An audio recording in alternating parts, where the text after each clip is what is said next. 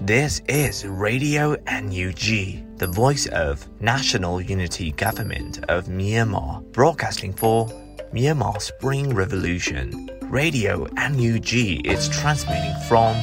shortwave 16 meter 17.79 MHz at 8:30 a.m. and 25 meter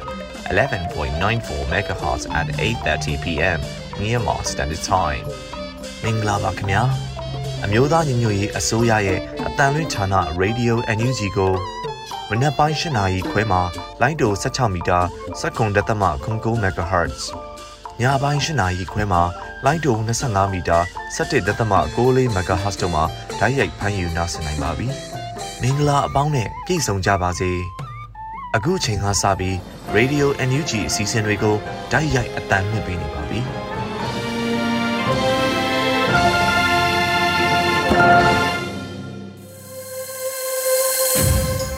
မြန်မာနိုင်ငံသူနိုင်ငံသားအပေါင်းကဘာဝပြီးစစ်အာဏာရှင်ဘေးတို့ကနေကင်းဝေးပြီးကိုစိတ်နှဖျားကြမ်းမှလုံခြုံကြပါစေလို့ Radio NUG ဖွဲ့သားများက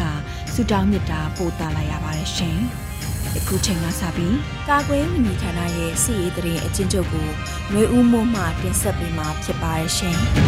။မင်္ဂလာပါခင်ဗျာ။အမျိုးသားညီညွတ်ရေးအစိုးရကာကွယ်ရေးဝန်ကြီးဌာနမှထုတ်ဝေသောနိုင်စဉ်စီရေးတရင်အချင်းချုပ်များကို တင်ပြသွားမှာဖြစ်ပါတယ်။ပထမဆုံးအနေနဲ့စစ်ကောင်စီနဲ့တိုက်ပွဲဖြစ်ပွားမှုများကို တင်ပြသွားမှာဖြစ်ပါတယ်။ကရင်ပြည်နယ်တွင်2022ခုနှစ်မတ်လ21ရက်နေ့ကရင်ပြည်နယ်မြဝတီမြို့နယ်ဘော်လီမြို့နယ်ခွဲမော်ခီကျေးရွာအခြေဆိုင်စစ်ကောင်စီခြေလင်တက်ရင်ခလရ32စခန်းကို KNU တပ်မဟာ6လက်အောက်ခံကရင်အမျိုးသားလူမျိုးရေးတပ်မတော် KNLA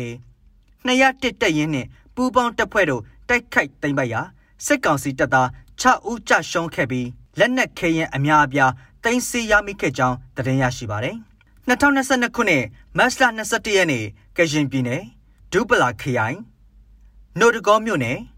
ခုတ်ခွားတောင်ပေါ်အခြေဆိုင်ခမရ432တပ်ရင်းနဲ့ KNLA တပ်မဟာ6တပ်ရင်းတို့ထိတွေ့တိုက်ပွဲဖြစ်ပွားခဲ့။သုံးတိုင်ကျေးရွာအနီးခမရ283တပ်ရင်းနဲ့ KNLA တပ်ရင်းဆက်ခွန်တို့ထိတွေ့တိုက်ပွဲထပ်မံဖြစ်ပွားခဲ့ကြောင်းသတင်းရရှိပါတယ်။2022ခုနှစ်မတ်လ19ရက်နေ့ကရင်ပြည်နယ် KNU နယ်မြေအတွင်းသို့ကျူးကျော်လာသည့်စစ်ကောင်စီ၏ခမရ432တပ်ရင်းနှင့် KNLA တပ်မဟာ6တပ်ရင်းဆက်ခွန်တပ်တို့ပစ်ခတ်မှုဖြစ်ပွားခဲ့၍ထိုပစ်ခတ်မှု၌စစ်ကောင်စီတပ်သား2ဦးသေဆုံးခဲ့ပြီး3ဦးထိခိုက်ဒဏ်ရာရရှိခဲ့ကြောင်းသတင်းရရှိပါသည်။ ကရင်နီကယားပြည်နယ်တွင်2022ခုနှစ်မတ်လ20ရက်နေ့ကရင်နီကယားပြည်နယ်လွိုင်ကော်မြို့နယ်ပကျဲစံပြကျေးရွာ261တရင်အနီးတွင် KA KNDF B 12နဲ့စစ်ကောင်စီတပ်တို့ထိတွေ့တိုက်ပွဲဖြစ်ပွားခဲ့ပြီးစစ်ကောင်စီဘက်မှထိခိုက်ကြဆုံးဥယေအတိမပြုတ်နိုင်သေးကြောင်းသတင်းရရှိပါတယ်။စကိုင်းတိုင်းတွင် 2022ခုနှစ်မတ်လ21ရက်နေ့စကိုင်းတိုင်းကမ်ဘလူမြို့နယ်ချက်သိန်းကျေးရွာရှိစစ်ကောင်စီတပ်သားပြူစောထီးများကိုကမ်ဘလူမြို့နယ် LPDF အဖွဲ့တစ်ဖွဲ့မှလက်လုံ M79 16လုံး60မမလေးလုံးဖြင့်ပြစ်ခတ်တိုက်ခတ်ခဲ့ကြောင်းသတင်းရရှိပါတယ်ခင်ဗျာ2022ခုနှစ်မတ်လ21ရက်နေ့စကိုင်းတိုင်းကလေးမြို့နယ်တောင်ဖီလာရက်ကွက် တောင်ပီလာလမ်းမကြီးပေါ်တွင်ရှိသောစစ်ကောင်စီတပ်သား9ဦးအား PDF ကလေးမ3မိနစ်ခန့်အဆက်မပြတ်ပစ်ခတ်ခဲ့ရာစစ်ကောင်စီတပ်သား2ဦးသေဆုံးခဲ့၍2ဦးဒဏ်ရာရရှိခဲ့ကြောင်းသတင်းရရှိပါသည်2022ခုနှစ်မတ်လ22ရက်နေ့စကိုင်းတိုင်းတပင်းရင်မြို့နယ်မြင်းတန်ကြီးကျေးရွာပင်စီကျေးရွာလမ်းတစ်လျှောက်၌စစ်ကောင်စီတပ်သားအင်အား30ခန့်အားရွှေဘိုခရိုင်ပကဖတပ်ပေါင်းစုနှင့် တပင်းရင်မြို့နယ်ပကဖမဟာမိတ်အဖွဲ့များပူးပေါင်း၍မိုင်းဆွဲတိုက်ခိုက်ခဲ့ခြင်းဒရုန်းဖြင့်ဘုံကျဲတိုက်ခိုက်ခြင်းများပြုလုပ်ခဲ့ရာစစ်ကောင်စီတပ်သား3ဦးသေဆုံးခဲ့၍အများအပြားဒဏ်ရာရရှိခဲ့ကြောင်းသတင်းရရှိပါသည်2022ခုနှစ်မတ်လ22ရက်စကိုင်းတိုင်းရဲမာပင်မြို့နယ်ရွှေတောင်ဦးကုန်းမှလာသည့်စစ်ကောင်စီတပ်သား90ဦးခန့်အားမြောက်ရမားတရားမြောက်ဘက်၌ Revolution Youth Group Regional Front Fighter အမိမြေတော်လှန်ရေးအဖွဲ့စသည်တို့မှမိုင်း20လုံးဖြင့်မိုင်းဆွဲတိုက်ခတ်ခဲ့ရာစစ်ကောင်စီတပ်သားများတေဆုံးမှုများခဲ့ပြီးအများအပြားဒဏ်ရာရရှိခဲ့ကြောင်းသတင်းရရှိပါတယ်။ပဲခူးတိုင်းတွင်2022ခုနှစ်မတ်လ22ရက်နေ့ပဲခူးတိုင်းပြည်သူ့ကာကွယ်ရေးတပ်မတော်အင်တကောပကဖ PDF မှစစ်ကောင်စီရင်တန်းအား အမြန်လန်းမိုင်းတိုင်း29ငါးဖာလွန်အနီး၌မိုင်းဆွဲတိုက်ခိုက်ခဲ့ရာစစ်ကောင်စီရင်တန်းမှရင်တစည်းအမြန်လန်းဘေးမြောင်းထဲသို့ကျသွားကစစ်ကောင်စီတပ်ဖွဲ့များထိခိုက်မှုရှိခဲ့ကြောင်းသတင်းရရှိပါတယ်။မွန်ပြည်နယ်တွင်2022ခုနှစ်မတ်လ22ရက်နေ့ညပိုင်း၌မွန်ပြည်နယ်တထုံမြို့နယ်ဝင်းပကျေးရွာနှင့်ဝီယော်ကျေးရွာရှိစစ်ကောင်စီတပ်မှလေးလေးလက်အောက်ခံခမရကိုအထိုင်တက်ရင် ဝင်းပနဲ့ခမရကိုရှေ့တန်းဝီယော်တက်စကန်နှစ်ခုကို KNU တပ်မဟာ1မှ40မမဖြင့်တွားရောက်ဖောက်ခွဲခဲ့ရာတက်ခွဲမှုတအူထိခိုက်ဒဏ်ရာရရှိခဲ့ကြောင်းသတင်းရရှိပါတယ်။မကွေးတိုင်းတွင်2022ခုနှစ်မတ်လ22ရက်နေ့မကွေးတိုင်းပခုတ်ကူမြို့နယ်ကဝွန်လေးတိုင်ကျေးရွာစာတင်ကျောင်း၌စခန်းချတက်ဆွဲထားသည့်စစ်ကောင်စီအင်အား30ဦးခန့်အားပခုတ်ကူ PDF မြစ်ချီနေကျွန်းချောင်းကာကွယ်ရေးတပ် King Fighter နဲ့ပေါက်မဟာမိတ်တပ်ဖွဲ့တို့မှပူးပေါင်း၍ဝင်ရောက်တိုက်ခတ်ခဲ့ရာတိုက်ပွဲဖြစ်ပွားချိန်တနအီခန့်ကြာမြင့်ခဲ့ပြီးတိုက်ပွဲ၌စစ်ကောင်စီဘက်မှတပ်သား6ဦးခန့်သေဆုံးခဲ့ပြီးပူးပေါင်းမဟာမိတ်တပ်များမှရဲဘော်တအူဒဏ်ရာရရှိခဲ့ကြောင်းသတင်းရရှိပါတယ်ခင်ဗျာ2022ခုနှစ်မတ်လ20ရက်နေ့ကလေးမျိုးမှတက်လာသည့်စစ်ကောင်စီများနှင့်မကွေးတိုင်းကန့်ကုန်းမြို့နယ် ဟန်တာဝတီကုတ်ကာမြောက်ခင်ရန်ရွာများမှပြူစောထီများပူးပေါင်းပြီးကန့်ကုန်းမြို့နယ်မြစ်တာမြစ်တစ်ဖက်ကမ်းရှိစစ်ပေးရှောင်များရှိရာနေရာများသို့စစ်ကောင်စီဘက်မှလက်နက်ကြီးများဖြင့်ပစ်ခတ်ပြီးစစ်ကြောင်းထိုးလာသောစစ်ကောင်စီစစ်ကြောင်းနှင့်ဒေသတွင်ပူးပေါင်းတော်လှန်ရေးအဖွဲ့များကြားထိတွေ့တိုက်ပွဲမှုများဖြစ်ပွားခဲ့ပါတယ်။စစ်ကောင်စီဘက်မှထိခိုက်ကြဆုံးမှုများရှိခဲ့ပြီးအရေးအတွက်ကိုအတိမပြုနိုင်သေးကြောင်းနဲ့ ပြည်သူ့ကာကွယ်ရေးအဖွဲ့များဘက်မှရဲဘော်6ဦးကြဆုံးခဲ့ပြီး6ဦးတန်ရာမစိုးရင်ရရရှိခဲ့ကြောင်းသတင်းရရှိပါရခင်ဗျာဆက်လက်ပြီးစစ်ကောင်စီကျွလွန်သောရာဇဝတ်မှုများကို တင်ပြသွားပါမယ်ကချင်ပြည်နယ်တွင်2022ခုနှစ်မတ်လ21ရက်နေ့ကချင်ပြည်နယ်ဟိုပင်မြို့နယ်ဟိုပင်မြို့အရှိတ်တောင်ဘက်ရှိလက်တော်ထဲသို့စစ်ကောင်စီတပ်မှပစ်သောလက်နက်ကြီးကြီးထိမှန်ပြီးဒေသခံရွာသားများ၏နွားများကိုထိမှန်ခဲ့ပြီးတိတ်ဆုံးသွားခဲ့ကြောင်းသတင်းရရှိပါသည်။ စကိုင်းတိုင်းတွင်2022ခုနှစ်မတ်လ22ရက်နေ့နနက်ပိုင်း၌စကိုင်းတိုင်းရေဦးမြို့နယ်ရေဦးမြို့နဘဲလာကျေးရွာမှာကလေးငယ်တဦးစစ်ကောင်စီ၏တနက်တံများကြောင့်သွေးလန့်သေဆုံးခဲ့ပြီးလူငယ်တဦးတနက်မှန်သေဆုံးခဲ့ပါတယ်။စစ်ကောင်စီတပ်သားများ၏ပြစ်ခတ်မှုကြောင့်ပြည်သူ2ဦးတနက်ထိမှန်ခဲ့၍၎င်း2ဦးအပါအဝင် ပြည်သူ25ဦးခန့်ကိုရိုက်နှက်ခေါ်ဆောင်သွားခဲ့ကြောင်းသတင်းရရှိပါတယ်။ 2022ခုနှစ်မတ်လ22ရက်နေ့စကိုင်းတိုင်းရင်းမာပင်မြို့နယ်ထန်းတော်ကြီးကျေးရွာရှိစစ်ကောင်စီတပ်သားများကကျေးရွာနေအိမ်များအားမိရှို့ဖျက်ဆီးခဲ့ကြောင်းသတင်းရရှိပါတယ်။တနင်္သာရီတိုင်းတွင်2022ခုနှစ်မတ်လ22ရက်နေ့တနင်္သာရီတိုင်းလောင်းလုံးမြို့နယ်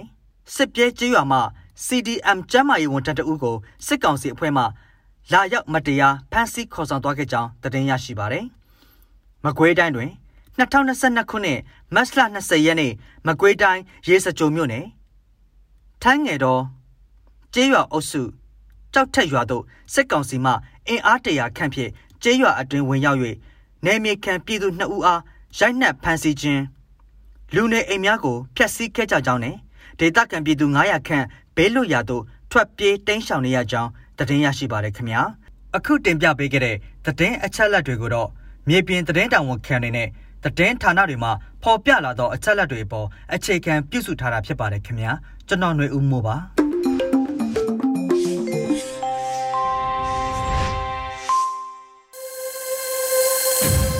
အခုဆက်လက်ပြီးနောက်ဆုံးရသတင်းများကိုဖုံမြက်ຫນွေဦးမှတင်ဆက်ပေးမှာဖြစ်ပါတယ်ရှင်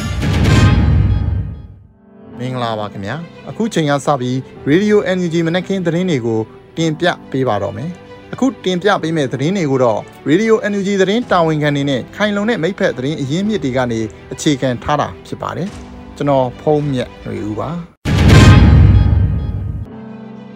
ပထမဦးဆုံးအနေနဲ့အမျိုးသားညီညွတ်ရေးအစိုးရကာကွယ်ရေးဝန်ကြီးဌာနအောက်မှာတသွေးတသံတမိတ်ကိုကဲမှုကိုနာခံပြီးကြီးမားတဲ့စူးစီးမှုနဲ့ပြည်သူရန်သူမင်းအောင်လှိုင်နဲ့အပေါင်းပါတွေကိုခြေမုံးရန်လိုအပ်တယ်လို့ယာယီသမရဒူဝါလက်ရှိလာမှာပြောကြားလိုက်တဲ့သတင်းကိုတင်ဆက်ပေးပါမယ်။ အမျိုးသားညီညွတ်ရေးအစိုးရကာကွယ်ရေးဝန်ကြီးဌာနအောက်မှာအသွေးတသံတမိတ်ကိုကဲမှုကိုနာခံပြီးကြီးမားတဲ့စူးစီးမှုနဲ့ပြည်သူရန်သူမင်းအောင်လှိုင်နဲ့အပေါင်းပါတွေကိုခြေမုံးရန်လိုအပ်တယ်လို့ယာယီသမရဒူဝါလက်ရှိလာကပြောကြားလိုက်ပါတယ်။မတ်လ22ရက်နေ့အမျိုးသားညီညွတ်ရေးအစိုးရ48ကြိမ်မြောက်အစိုးရအဖွဲ့စည်းဝေးမှာယာယီသမရဒူဝါလက်ရှိလာကပြောကြားလိုက်တာလည်းဖြစ်ပါတယ်။လက်ရှိလူဒေါ်လာရေးမှာပြည်သူ့ကာကွယ်ရေးတပ်ဖွဲ့များကို မြို့ရောတောပါမကြံဖွဲ့စည်းထားနိုင်ခဲ့ပြီးအင်အားမှလည်းတောင်းနှံအကြီးပိုင်းကိုရောက်ရှိနေပါပြီ။စစ်ကောင်စီအကြမ်းဖက်တပ်ကိုတံပြန်ချင်းကြောက်တိုက်ခိုက်နိုင်တဲ့အဆင့်ရောက်ရှိလာပါပြီ။ပြည်သူကိုကာကွယ်ရမယ့်တပ်ဖွဲ့များဖြစ်သည့်အားလျော်စွာနေရာဒေသပေါင်းစုံမှာ PDF တပ်ဖွဲ့တွေကအမျိုးသားညီညွတ်ရေးအစိုးရ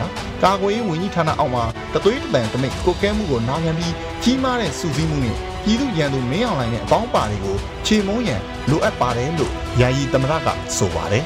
အစိုးရအဖွဲ့အစည်းအဝေးကိုယာယီသမရဒူဝါလက်ရှိလာပြည်တော်စုဝန်ကြီးချုပ်မန်းဝင်းခိုင်တန်းတို့အပါအဝင်ပြည်တော်စုဝန်ကြီးတွေဒုဝန်ကြီးတွေတက်ရောက်ခဲ့ကြပါတယ်။အစိုးရအဖွဲ့အနေနဲ့2021ခုနှစ်ဧပြီလ16ရက်စတင်ဖွဲ့စည်းကြတဲ့ကမယမနာစ조사လာခဲ့ကြတာဆိုရင်တနစ်နီးပါးရောက်ရှိလာပါပြီ။တော်လန်နဲ့တိုက်ပွဲဝင်အစိုးရဖြစ်တဲ့အားလျော်စွာပြည်သူလူထုအတွက်အသက်အိုးအိမ်စီးစိမ်စွန့်လွတ်ကြိုးပမ်းနေကြတာဖြစ်တဲ့အတွက်လေးစားဂုဏ်ယူပါတယ်။ ကြိုတင်စဉ်းစားထားခြင်းမရှိဘဲမင်းအောင်လှိုင်ဥဆောင်တဲ့စစ်တပ်မှမတရားအာဏာသိမ်းမှုကြောင့်မလွဲတာမရှောင်တာတိုက်ပွဲဝင်လာကြရတာလည်းဖြစ်ပါတယ်မိမိတို့အစိုးရကလည်းတော်လန်ရေးအစိုးရပြီးဘာမှမရှိတာကစပြီးအစစအရာရာလိုအပ်လာမှုများကိုပြည်သူလူထု၏ပံ့ပိုးမှုဖြင့်ဖြည့်ဆည်းလာနိုင်ခဲ့ကြပြီဖြစ်တယ်လို့ယာယီသမရဒူဝါလက်ရှိလာကပြောကြားခဲ့ပါတယ်ဆက်လက်ပြီး ရှေ့တနည်းအတွင်းမှာတော်လန်ရေးမြန်မြန်အဆုံးသတ်နိုင်ဖို့ပြည်ထောင်စုဝန်ကြီးချုပ်မန်းဝင်းခိုင်တန်းအစိုးရအဖွဲ့ကိုမှာကြားလိုက်တဲ့သတင်းကိုတင်ဆက်ပေးပါမယ်။ရှေ့တနည်းအတွင်းမှာတော်လန်ရေးမြန်မြန်အဆုံးသတ်နိုင်ဖို့ပြည်ထောင်စုဝန်ကြီးချုပ်မန်းဝင်းခိုင်တန်းအစိုးရအဖွဲ့ကိုမှာကြားလိုက်ပါတယ်။မတ်လ22ရက်နေ့အမျိုးသားညီညွတ်ရေးအစိုးရ48ကြိမ်မြောက်အစိုးရအဖွဲ့အစည်းအဝေးမှာပြည်ထောင်စုဝန်ကြီးချုပ်မန်းဝင်းခိုင်တန်းကပြောကြားခဲ့တာလည်းဖြစ်ပါတယ်။ရှေ့လာဆိုရင် မျိုးသားညီညွတ်ရေးအစိုးရအဖွဲ့ကတနစ်ပြည့်တော့မှာဖြစ်ပါတယ်။တနစ်အတွင်းထိရအောင်မြင်မှုတွေရှိသလိုလိုအပ်နေတဲ့အရာတွေအများကြီးရှိတယ်။ဝန်ကြီးဌာနတွေအနေနဲ့အားတာချက်အားနည်းချက်တွေကိုပြန်သုံးသပ်ဖို့တိုက်တွန်းလိုတယ်။ရှစ်တနစ်အတွင်းမှာတော်လန်ရေးမြင်မြန်အဆုံးသတ်နိုင်ဖို့ပြည်သူတွေကိုတီးတဲ့ပို့ပြီးကာကွယ်ပေးနိုင်ဖို့တေချာစဉ်းစားပြီးစီစဉ်ကြရမှာဖြစ်တယ်လို့ဝန်ကြီးချုပ်ကဆိုပါတယ်။2021ခုနှစ် ဖေဖော်ဝါရီလ1ရက်နေ့မှာစစ်တပ်ကနိုင်ငံတော်အာဏာကိုရွေးကောက်ပွဲအကြောင်းပြလို့သိမ်းယူခဲ့ပါတယ်။ရင်းနောက်ပြည်ထောင်စုလွှတ်တော်ကိုစားပြုကော်မတီ CRPH ကိုစတင်ဖွဲ့စည်းခဲ့ပြီးနောက်အမျိုးသားညီညွတ်ရေးအစိုးရ NUG ကိုပြည်သူလူထုထောက်ခံမှုနဲ့အတူထပ်မံဖွဲ့စည်းခဲ့ပါတယ်။အမျိုးသားညီညွတ်ရေးအစိုးရအဖွဲ့အနေနဲ့အစိုးရအဖွဲ့တွင်အကောင်းမွန်ဆုံးထိန်းချုပ်မှုတွေနဲ့ရှေ့ဆက်လှုပ်ဆောင်နေတယ်လို့ပြည်ထောင်စုဝန်ကြီးချုပ်ကလည်းထည့်သွင်းပြောကြားခဲ့ပါတယ်။ ဆက်လက်ပြီးအာဆီယံအထူးကိုယ်စားလှယ်မြန်မာနိုင်ငံရောက်ရှိနေချိန်မှာပဲသတင်းသမား2ဦးကိုထောင်ဒဏ်ချမှတ်လိုက်တဲ့သတင်းကိုတင်ဆက်ပေးပါမယ်။မြန်မာရေးကြားဝင်ဖြည့်ရှင်းမယ်ဆိုပြီးမြန်မာနိုင်ငံသို့ရောက်ရှိလာတဲ့အာဆီယံအထူးကိုယ်စားလှယ်ရဲ့ခရီးစဉ်အတွင်းမှာပဲစစ်ကောင်စီကတနစ်ကြော်ကြာဖမ်းဆီးထားတဲ့သတင်းမီဒီယာသမား2ဦးကိုထောင်ဒဏ်ချမှတ်လိုက်ပါတယ်။အာဆီယံအထူးကိုယ်စားလှယ်ရောက်ရှိနေတဲ့မတ်လ21ရက်နဲ့22ရက်နေ့တွေမှာသတင်းသမား2ဦးကိုဇက်တိုက်ဆိုသလိုထောင်ဒဏ်2နှစ်စီချမှတ်လိုက်တာပါ။ စစ်ကောင်စီဟာရန်ကုန်အခြေစိုက်ကမာရွတ်မီဒီယာပူးတွဲတီထောင်သူဦးဟန်တာငိမ့်နဲ့မြင်းစည်းမသတင်းဌာနရဲ့နေပြည်တော်အခြေစိုက်အယ်ဒီတာကိုတန်းထိုက်အောင်တို့ကိုထောင်ဒဏ်ချမှတ်လိုက်တာလည်းဖြစ်ပါတယ်။သူတို့နှစ်ဦးကို2021ခုနှစ်မတ်လအတွင်းကဖမ်းဆီးခဲ့တာလည်းဖြစ်ပါတယ်။ဒါအပြင်ဖမ်းဆီးပြီးစစ်ကြောရေးမှာနှိပ်စက်ညှဉ်းပန်းတာတွေရှိတယ်လို့မိသက်သူတွေထံကလည်းသတင်းရရှိပါတယ်။ စစ်တပ်အာဏာသိမ်းပြီးနောက်ဖမ်းဆီးခံခဲ့ရတဲ့သတင်းသမားဦးရေဟာ130ကျော်ရှိခဲ့ပြီးပြန်လည်လွတ်မြောက်လာသူတွေရှိပေမဲ့90ကျော်ဟာအကျဉ်းထောင်တွေထဲမှာရှိနေဆဲဖြစ်တယ်လို့မှတ်တမ်းများအရသိရှိရပါတယ်အခုဆက်လက်ပြီးဖူပန်ဒါကုမ္ပဏီကိုတပိတ်မှောက်နေသောရိုက်တာများနဲ့အတူရက်တီကြောင်းရတနာဘုံတက္ကသမှထုတ်ပြန်ရိုက်တာများကိုဝင်းရံပေးကြရန်တကုံတက္ကသိုလ်ကျောင်းသားများကတိုက်တွန်းဆိုတဲ့သတင်းကိုဆက်လက်တင်ပြပေးပါမယ် ဖူပန်ဒါကုမ္ပဏီဘက်မှလမ်းကြောင်းလောက်ခလာသားများရှော့ချခဲ့သည့်အတွက်အလုံးမစင်းပဲတပိတ်တိုက်ပွဲဆင်နွှဲနေသည့်ဖူပန်ဒါရိုက်တာများနဲ့အတူတသားလေးရက်တီကြောင်းဂျရနာဘုံတက္ကသိုလ်ကျောင်းသားများသမဂ္ဂကယနေ့ထုတ်ပြန်လိုက်ပါတယ်။ကျောင်းသားပြည်သူတရက်လုံးအနေဖြင့်မတရားမှုကိုကျူးလွန်သောဖူပန်ဒါကိုဆက်လက်အသုံးမပြုခြင်းဖြင့်တပိတ်မောက်ပြီးအပိနှိတ်ခံလုံသမားထုနဲ့အတူရက်တီဝင်းရန်ပါဝင်ကြရန်ရတနာဘုံတက္ကသိုလ်ကျောင်းသားများသမဂ္ဂတော်လန်ရေးဦးဆောင်ကော်မတီကဆိုပါတယ်။ အလားတူတကုံတက္ကသိုလ်ကျောင်းသားများသမဂ္ဂကလည်းတပိတ်မောက်ရိုက်တာများနဲ့အတူတသားတဲ့ရက်တီလျက်ရှိသည့်အပြင်ရိုက်တာများ၏တပိတ်မောက်ခြင်းနှင့်တိုက်တွန်းချက်များအားအများပြည်သူအနေဖြင့်ဝင်းရန်တပိတ်မောက်ကြရန်တိုက်တွန်းထားတာကိုလည်းတွေ့ရပါတယ်။နေ့မှာကကြေးရွာကာကွယ်ရေးတာဝန်ခံများကိုအတိပေးအကြောင်းကြားရန်စလင်းကြီး Generation Z LPDF ကထုတ်ပြန်ဆိုတဲ့သတင်းကိုတင်ဆက်ပေးသွားမှာပါ။ NUG ရဲ့ MOD အရက်ဘက်ကုတ်ကဲမှုစီးမင်းများအတိုင်းလိုက်နာရန်နဲ့ဒလန်များစစ်ကောင်စီနှင့်ရဲများကို ရှင်းလင်းပါကကြေးရွာကာကွယ်ရေးတာဝန်ခံများကိုအတိပေးရန်အကြောင်းကြားရန်စလင်းကြီး Generation Z LPDF ကထုတ်ပြန်ကြေညာလိုက်ပါတယ်။မက်စလာ22ရက်မှာစလင်းကြီး Generation Z LPDF ကထုတ်ပြန်လိုက်တာလည်းဖြစ်ပါတယ်။ NUG ရဲ့ MODE အရက်ဖက်ကုတ်ကဲမှုစီးမြင်များအတိုင်းကျွန်တော်တို့တော်လန်ရေးညီနောင်များကစီစီလုံးလုံးညီညီညွတ်နဲ့လိုက်နာကြရမှာပါ အားနည်းချက်များကိုသင်ခန်းစာယူပြီးအမားနည်းနိုင်သမျှနည်းအောင်တော်လန်ရေးတွင်စစ်အာဏာရှင်ကိုမြမမြေပေါ်ကနေအပြီးပိုင်မောင်းထုတ်ကြရအောင်ပါလို့ဆိုထားပါတယ်ထုတ်ပြန်ချက်အရစလင်းကြီးမြို့နယ်အတင်းရှိကျေးရွာများမှာဒလန်များနဲ့စစ်ကောင်စီတပ်များရဲများကိုရှင်းလင်းတုတ်တင်ပြီးဆိုပါကကျေးရွာပြည်သူ့ကာကွယ်ရေးတာဝန်ခံများထံအတိပေးကြောင်းကြားရန်လိုအပ်ပြီးတော့မိမိတို့သဘောအတိုင်းပြုလုပ်ပါကအရေးယူခြင်းဆောင်ရွက်သွားမည်ဟုလည်းဆိုပါတယ် ဆက်လက်ပြီးတောင်ဖီလာလမ်းပေါ်တွင် မော်တော်ဆိုင်ကယ်၃စီးနှင့်တောင်သာဘက်မှမောင်းနှင်လာသည့်စစ်ကောင်စီတပ်ကို PDF ကလေးကပြစ်ခတ်၍တအူးပွဲချင်းပြီးတေဆုံးဆိုတဲ့သတင်းကိုဆက်လက်တင်ပြပေးသွားမှာပါ။တောင်ဖီလာလမ်းပေါ်တွင် မော်တော်ဆိုင်ကယ်၃စီးနှင့်တောင်သာဘက်ကမောင်းနှင်လာသည့်စစ်ကောင်စီတပ်ကို PDF ကလေးကပြစ်ခတ်၍တအူးပွဲချင်းပြီးတေဆုံးခဲ့ပါတယ်။မတ်လ22ရက်နေ့မနက်ပိုင်းတွင်စစ်ကောင်စီတပ်များကိုပြစ်ခတ်ခဲ့ကြောင်း PDF ကလေးတပ်ဖွဲ့ကဆိုပါတယ်။ မနက်ပိုင်းတွင်ကလေးမျိုးတောင်ဖီလာရက်ွက်တောင်ဖီလာလမ်းမကြီးပေါ်တွင်မော်တော်ဆိုင်ကယ်၃စီးဖြင့်စစ်ကောင်စီအကြမ်းဖက်စစ်သား6ဦးတာဟန်ဘက်မှတောင်တာဘက်သို့မောင်းနှင်လာပြီးနေဆက်ရေးရဝန်ကြီးဌာနအိမ်တွင်လက်မှုသင်တန်းကျောင်းအနီးသို့ရောက်ရှိလာစဉ်နနက်9:45မိနစ်၌အသင့်ဆောင်ဆိုင်နေရာယူထားသော PDF ကလေးတပ်ဖွဲ့များက3မိနစ်ခန့်ဒရဇက်ပစ်ခတ်တိုက်ခိုက်ခဲ့တယ်လို့ဆိုပါတယ်။ပစ်ခတ်မှုအတွင်းအကြမ်းဖက်စစ်သားတအူးနေရာတွင်ပွဲချင်းပြီးတေဆုံးပြီးနှစ်ဦးအပြင်းထန် ထိမှန်ဒဏ်ရာရရှိသွားတယ်လို့လည်းဆိုပါတယ်။အကြမ်းဖက်စစ်သားများ၏ရန်တမ်းပစ်ခတ်မှုကြောင့်အနီးပတ်ဝန်းကျင်မှာပြည်သူတအူးခြေထောက်တွင်ကြီးစံထိမှန်ဒဏ်ရာရရှိခဲ့ကြောင်းလည်းသတင်းရရှိပါတယ်။ဆက်လက်ပြီးမြင်းညံမျိုးနယ်အထက်ကြောက်ပြုတ်ရွာအနောက်ပိုင်းတွင်စစ်ကောင်စီတပ်များနှင့်ရဲများပြူစောထီများအချင်းချင်းအပြန်အလှန်ပစ်ခတ်မှုဖြစ်ပွားခဲ့တဲ့သတင်းကိုတင်ပြပေးပါမယ်။မြင်းညံမျိုးနယ်အထက် ကြောက်ပြုတ်ရွာနောက်ပိုင်းတွင်စစ်ကောင်စီတပ်နှင့်ရဲများပြူစောထီများအချင်းချင်းပြန်လည်ပစ်ခတ်မှုဖြစ်ပွား၍စေယုံရောက်ရှိတယ်လို့သတင်းရရှိပါတယ်။မတ်လ22ရက်နေ့မနေ့ပိုင်းမှာအချင်းချင်းပြန်လည်ပစ်ခတ်မှုတွေဖြစ်ပွားခဲ့တယ်လို့မြင်းညံလူလူလှုပ်ရှားမှုကော်မတီကဖော်ပြထားပါတယ်။မတ်လ22ရက်နေ့မနေ့ပိုင်းကြောက်ပြုတ်ရွာအနောက်ပိုင်းမှာ စစ်ခွေးရဲခွေးပြူတွေအချင်းချင်းပစ်ခတ်ခဲ့ကြတယ်လို့သိရပါတယ်။အသေးပြောင်းရှိနိုင်ပြီးစေးရုံအတွင်းမှာစစ်ကောင်စီတပ်တွေခြေလန်းရှုပ်နေခဲ့တယ်လို့လည်းသိရပါတယ်။အရေးပေါ်ကူတာမှုလုပ်နေတာဖြစ်နိုင်တယ်လို့လည်းခံမှန်းရတယ်လို့ဒေသခံများကဆိုပါတယ်။ကြောက်ပြုတ်ရွာဟာမြင်းညံမျိုးအထက်ကရွာတရားဖြစ်ပြီးမြင်းညံမျိုးသားလမ်းအထက်လေသည့်ရွာအကျော်မှာကြောက်ပြုတ်ရွာတည်ရှိတယ်လို့သိရှိရပါတယ်ခင်ဗျာ။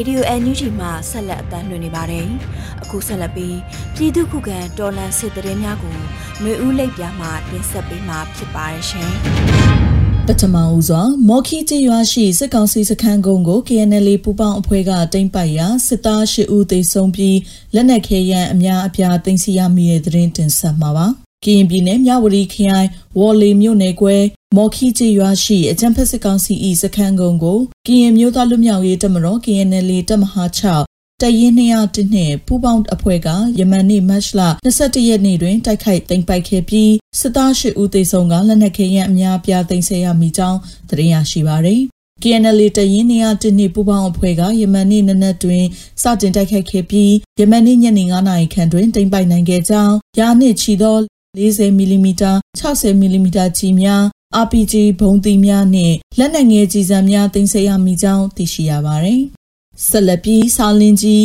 ရွှေတောင်ဦးကုန်းတွင်စစ်တပ်မိုင်းဆွဲခံရပြီးအများအပြားသေလို့ရွာလေးခုကိုစစ်တပ်ကဝင်စီးပြီးမိရှို့တဲ့သတင်းတင်ဆက်မှာပါ။စာလင်းကြီးမြို့နယ်ရွှေတောင်ဦးကုန်းပေါ်မှဆင်းလာသောစစ်ကောင်စီတပ်ကိုယနေ့တွင် Regional Front Fighter အဖွဲ့အမိမြေတော်လှန်ရေးအဖွဲ့ Revolutionary Youth Group သုံးဖွဲ့ပေါင်းပြီးအမိုင်းအလုံး20ဆွဲလိုက်ရာ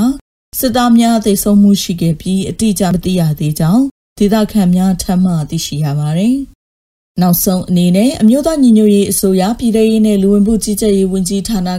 2022ခုမတ်လ22ရက်ရက်စွဲနဲ့ထုတ်ပြန်တဲ့ပြည်သူ့ခုခံတော်လှန်စစ်တရင်ချက်လက်တွေကိုတင်ဆက်ပေးသွားမှာပါ။ အာနာသိန်းအကြံဖက်စစ်အုပ်စု၏ပြည်သူလူထုအပေါ်အကြံဖက်ဖိနှိပ်ဖန်ဆီးတိုက်ခိုက်တပ်ဖြတ်နေမှုများကိုပြည်သူလူထုတရက်လုံးကအသက်ရှင်သန်ရေးအတွက်မိမိကိုယ်ကိုမိမိခုခံကာကွယ်ပိုင်ခွင့်ရ People Defensive War ကိုဆင်နွှဲလျက်ရှိပါတယ်။တရင်ချက်လက်များအရာ21ရက်3လ2022ရက်နေ့တွင်စစ်ကောင်စီတပ်ဖွဲ့ဝင်53ဦးသေဆုံးပြီးထိခိုက်ဒဏ်ရာရရှိသူ9ဦးအထိခုခံတိုက်ခိုက်နိုင်ခဲ့ပါတယ် စစ်အာဏာရှင်စနစ်မြမအမျိုးပေါ်မှအပြည့်တိုင်ချုပ်ငြိမ်းရေးနဲ့ Federal Democracy တည်ဆောက်ရေးအတွက်ငြိမ်းချမ်းစွာဆန္ဒပြသည့်လူထုတပိတ်တိုက်ပွဲများကပြည်내နဲ့တိုင်းဒေသကြီးများမှာဖြစ်ပွားပေါ်ပေါက်လျက်ရှိပါတယ်။မြေပြင်မှာယခုတွေ့ရတဲ့အချက်လက်များထက်ပို၍ဖြစ်ပွားနိုင်ပါတယ်ရှင်။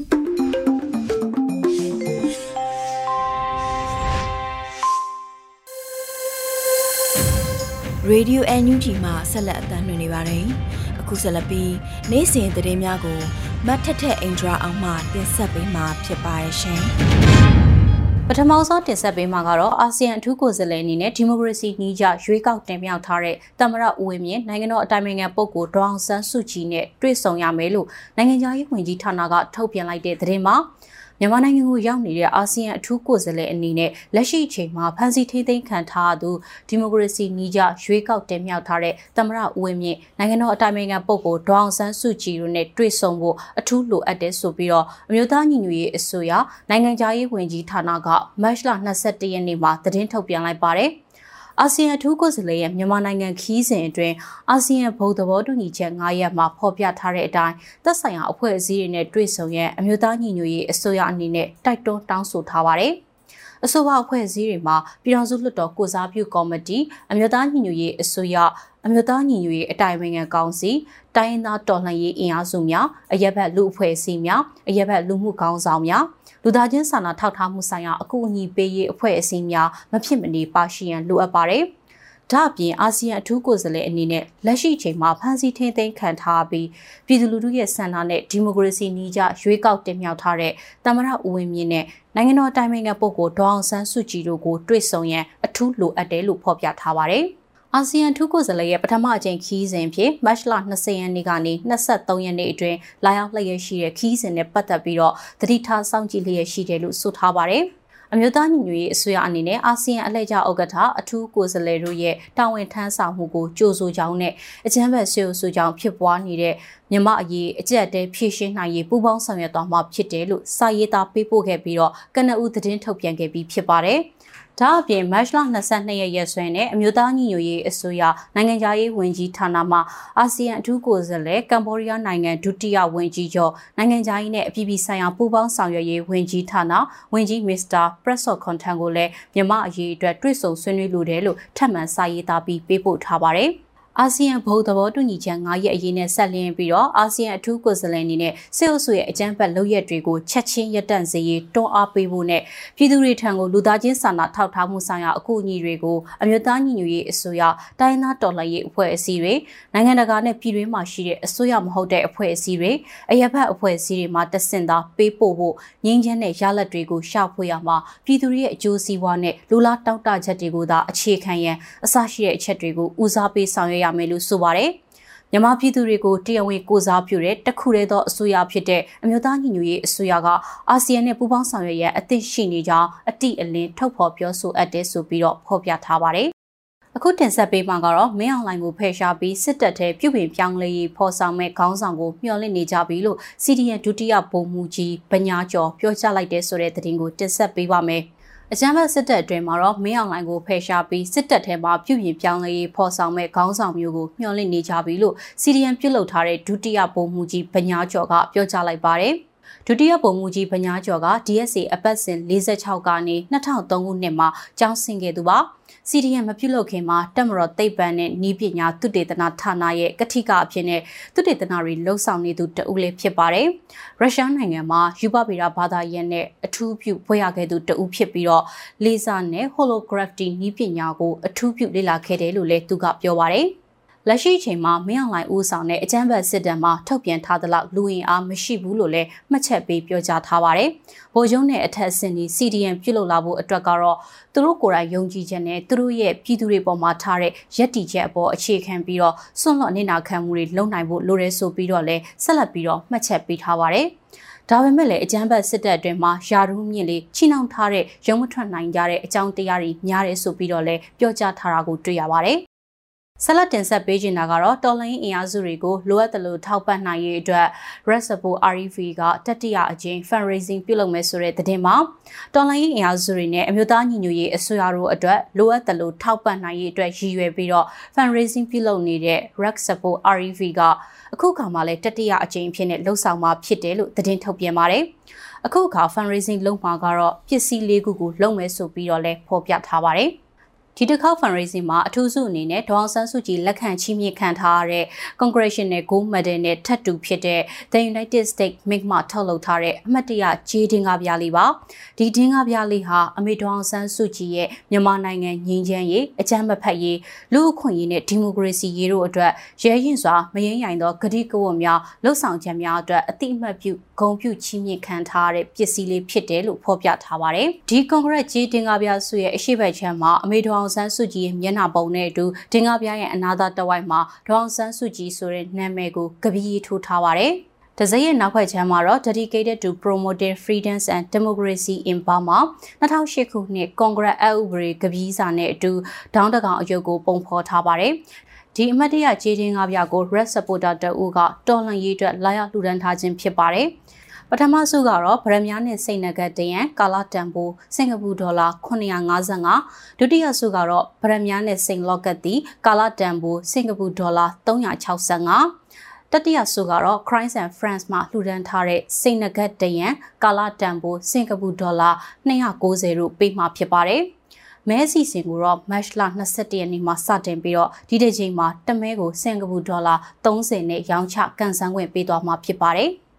တယောက်ကိုမဲရည်အတွက်ကတ်သက်ချက်မရှိဘဲဝယ်ယူလူဒန်းကန်ဆန်းနိုင်တယ်လို့လည်းသိရပါဗျ။အခုအချိန်မှာစင်ကာပူတခုတည်းသာအလွန်ဝေလက်ခံနိုင်တာကြောင့်မြန်မာနဲ့တခြားကမ္ဘာတဝန်းမှာကန်ဆန်းကျင်သူတွေဟာမိမိတို့တငယ်ချင်းတွေထံကနေတဆင့်ဝယ်ယူကန်ဆန်းပြီးလှူဒန်းနိုင်ပါတယ်။မဲရှင်းကိုဧပြီလ2ရက်ညနေ6နာရီမှာပိတ်သိမ်းမှာဖြစ်တယ်လို့လည်းဖော်ပြထားပါတယ်။ ဖေဖော်ဝါရီလမဲရောင်းဝေကနေပဲခူးတပည့်ရင်ရေဦးမင်းကင်းနဲ့ကရားအဖွဲ့တွေအတွက်စုစုပေါင်း88သိန်းကျပ်တီတီကိုဖေဖော်ဝါရီလကန်ဆန်းမဲငွေကနေထောက်ပံ့ကူညီနိုင်ခဲ့တယ်လို့လည်းဖော်ပြထားတာကိုတွေ့ရပါတယ်။ အခုနောက်ဆုံးတင်ဆက်ပေးမှာကတော့မြန်မာနိုင်ငံတဝန်းကဆီယနာရှင်အမြင့်ပြည့်ချေမုံရေးလူထုဆန္ဒပြပွဲသတင်းတွေပါကချင်ပြည်နယ်ဖားကတ်မြို့ကဆန္ဒပြပြည်သူအင်အား400ခန့်ကဒီကနေ့မနက်မှာဆီယနာရှင်အမြင့်ပြည့်ချေမုံရေးနဲ့အာဆီယံအထူးကိုယ်စားလှယ်ရဲ့မြန်မာပြည်ခီးစဉ်ကန့်ကွက်ဆန္ဒပြပွဲကိုပြုလုပ်ခဲ့ပါတယ်၎င်းတောင်ဒေတာပင်မာတပိတ်စစ်ကြောင်းကလည်းဒီကနေ့မနက်မှာအကြမ်းဖက်စစ်ကောင်စီကြာရှုံးရေးဟိကျွေးတန်နေနဲ့ဆန္ဒပြတပိတ်ကိုပြုလုပ်ခဲ့ပါတယ် စကိုင်းတိုင်းရင်းမှတ်ပင်မြို့နယ်တွေကရင်းမှတ်ပင်အရှိချမ်းနဲ့စလင်းကြီးမြောက်ချမ်းတို့ပူးပေါင်းထားတဲ့ရွာပေါင်းစုံတပိတ်ကလည်းဒီကနေ့မနက်မှာ383ရက်အဖြစ်နဲ့ဆန္ဒပြချီတက်ခဲ့ပါတယ်။ဆန္ဒပြပြည်သူတွေကအကြမ်းဖက်စစ်တပ်ကြာရှုံးရေးကြွေးကြော်တန်းနေနဲ့ဟစ်ကြွေးပြီးတော့ချီတက်လှည့်လည်ခဲ့တာပါ။ကျေးဇူးတင်ပါတယ်ရှင်။ဒီကနေ့ကတော့ဒီညနေပဲ Radio NUG ရဲ့အစည်းအဝေးကိုခਿੱတရရလိုက်ပါမယ်။ မြန်မာစံတော်ချိန်မနက်၈နာရီခွဲနဲ့ည၈နာရီခွဲအချိန်တွေမှာပြန်လည်ဆုံးဖြတ်ကြပါစို့ Radio NUG ကိုမနက်ပိုင်း၈နာရီခွဲမှာလိုင်းဒို16မီတာစက္ကန့်တသမ9 MHz ညပိုင်း၈နာရီခွဲမှာလိုင်းဒို25မီတာ17သမ6 MHz တို့မှာဓာတ်ရိုက်ဖမ်းယူနားဆင်နိုင်ပါပြီမြန်မာနိုင်ငံသူနိုင်ငံသားများကိုစိတ်နှပြကျန်းမာချမ်းသာလို့ဘေးကင်းလုံခြုံကြပါစေလို့ Radio NUG အဖွဲ့သူအဖွဲ့သားများကဆုတောင်းလိုက်ရပါတယ်။အမျိုးသားညီညွတ်ရေးအစိုးရရဲ့စက်သွေးရေးတရင်အချက်အလက်နဲ့ဤပညာဝန်ကြီးဌာနကထုတ်လွှင့်နေတဲ့ Radio NUG ဖြစ်ပါတယ်